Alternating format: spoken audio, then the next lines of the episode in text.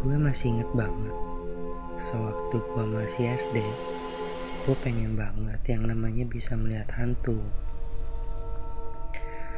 Sewaktu itu sepulang sekolah Gue main di rumah temen Dan ngobrolin film horor Yang baru rilis. Entah kenapa gua nyeletuk mengucapkan pengen banget ngeliat hantu. Dan temen gua ngasih saran ke gue. Temen gue bilang ada tiga cara melihat hantu. Entah dari mana dia tahu itu yang gua ucap dalam hati. Ucap temen gue itu pertama simpan cermin baskom kecil yang berisi air dan sisir terus matikan lampu. Kedua, membuat titik menggunakan pensil di dinding terus perhatikan sampai mendengar suara-suara aneh. Ketiga, jalangkung menggunakan buku dan pulpen. Entah apa sama diri gue, saking pengen melihat hantu. Mitos pertama dan kedua gue lakuin. Saking niatnya, tapi tidak terjadi apa-apa. Mitos atau cara ketiga itu, saking gue pengen melihat hantu, gue berunding sama temen gue untuk main jalangkung. Kebetulan besok hari Minggu. Dan merencanakan untuk buka tenda sekalian camping-campingan di lapangan badminton depan rumah temen gue itu. Yang sampingnya masih kebon. Malam pun tiba. Makanan ringan, susu, bantal, selimut, semuanya sudah siap. Sampai pulpen dan buku pun sudah siap. Karena niatnya ingin bermain jalangkung, tapi selagi main jalangkung tidak terjadi apa-apa. Di sisi lain, selagi ngobrolin Cara apa lagi tiba-tiba pulpen yang tadinya terdiam tiba-tiba bergerak memutar dan berkelinding ke arah kebun.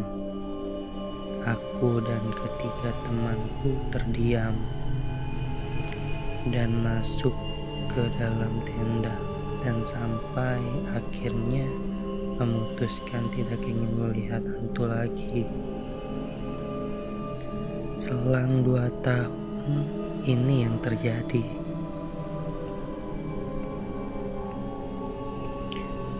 Ketika beberapa tahun kemudian, ketika sore menjelang malam, saat itu yang begitu mendung Seketika hujan turun sangat kencang disertai angin yang begitu besar. Satu jam terlewati, hujan pun tidak berhenti sampai angin yang sangat kencang mendorong pintu hingga terbuka. Saya dan ibu saling menatap mata, mendengar suara pintu terbuka yang saya pikir itu hanyalah ayah saya yang baru pulang kerja kehujanan.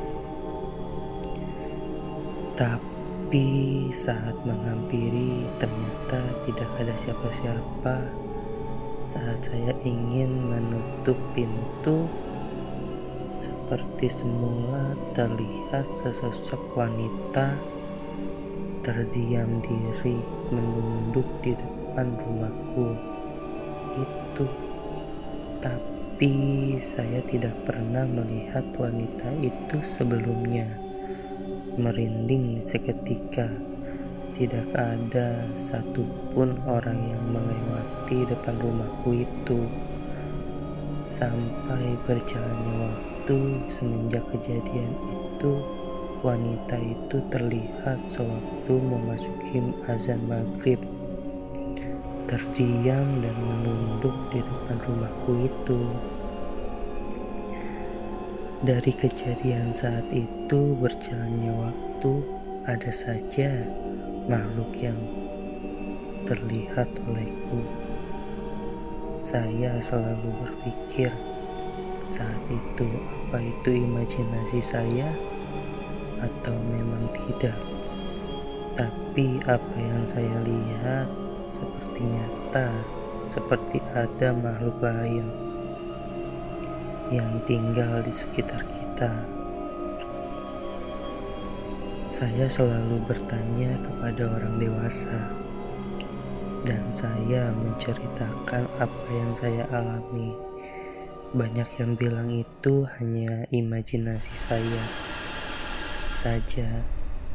Ada yang bilang itu benar-benar ada. Hanya orang yang punya kepekaan yang lebih sensitif saja yang bisa merasakan makhluk gaib. Sampai-sampai setiap saya sedih, setiap saya merenung di malam hari, ada saja makhluk lain yang menghampiri saya. Seolah-olah ingin menemani.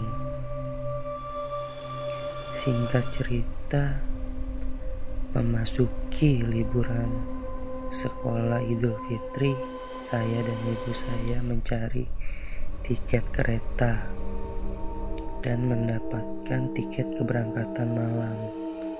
Saat itu waktunya tiba. Saya dan ibu saya sedang menunggu kereta sekitar 15 menit.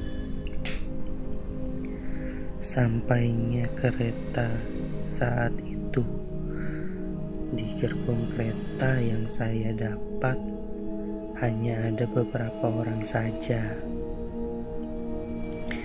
yang mudiknya lebih jauh daripada kampung saya. Seketika di seperempat jalan, rata-rata penumpang tertidur. Bisa dibilang hanya saya yang menikmati pemandangan gunung sawah saat itu.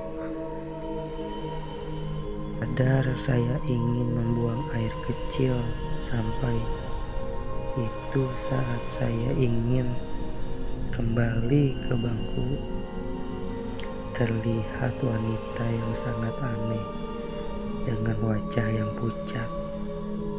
Duduk di bangku paling belakang. Iya, wanita itu terlihat aneh.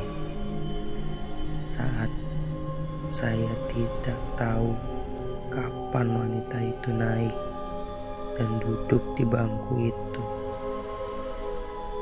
Gak begitu lama orang yang duduk di depan bangku saya teriak histeris. Seperti tidak sadarkan diri. Orang yang ada di gerbong itu membantu dengan membacakan surat-surat Al-Quran.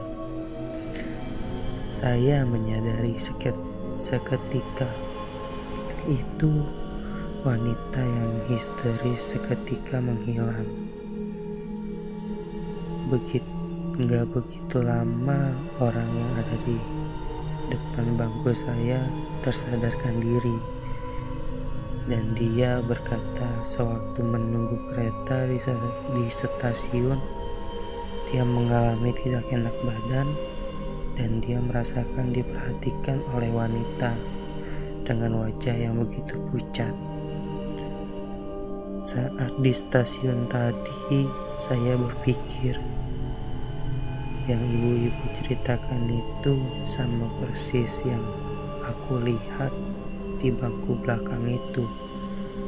Tidak lama petugas pun melewati gerbong yang aku naiki dan ibu itu menceritakan apa yang sudah terjadi dan petugas itu pun bercerita bahwa gerbong yang aku naiki itu ada penunggunya wanita petugas itu bilang bahwa penunggu itu sangat menyukai orang yang pikirannya kosong, melamun, dan sontral. Saya berpikir bahwa dari dunia gaib banyak pelajaran yang bisa kita pelajari tentang bersyukur dan saling menghormati ke makhluk yang ada di sekitar kita, mau yang terlihat atau yang tidak terlihat.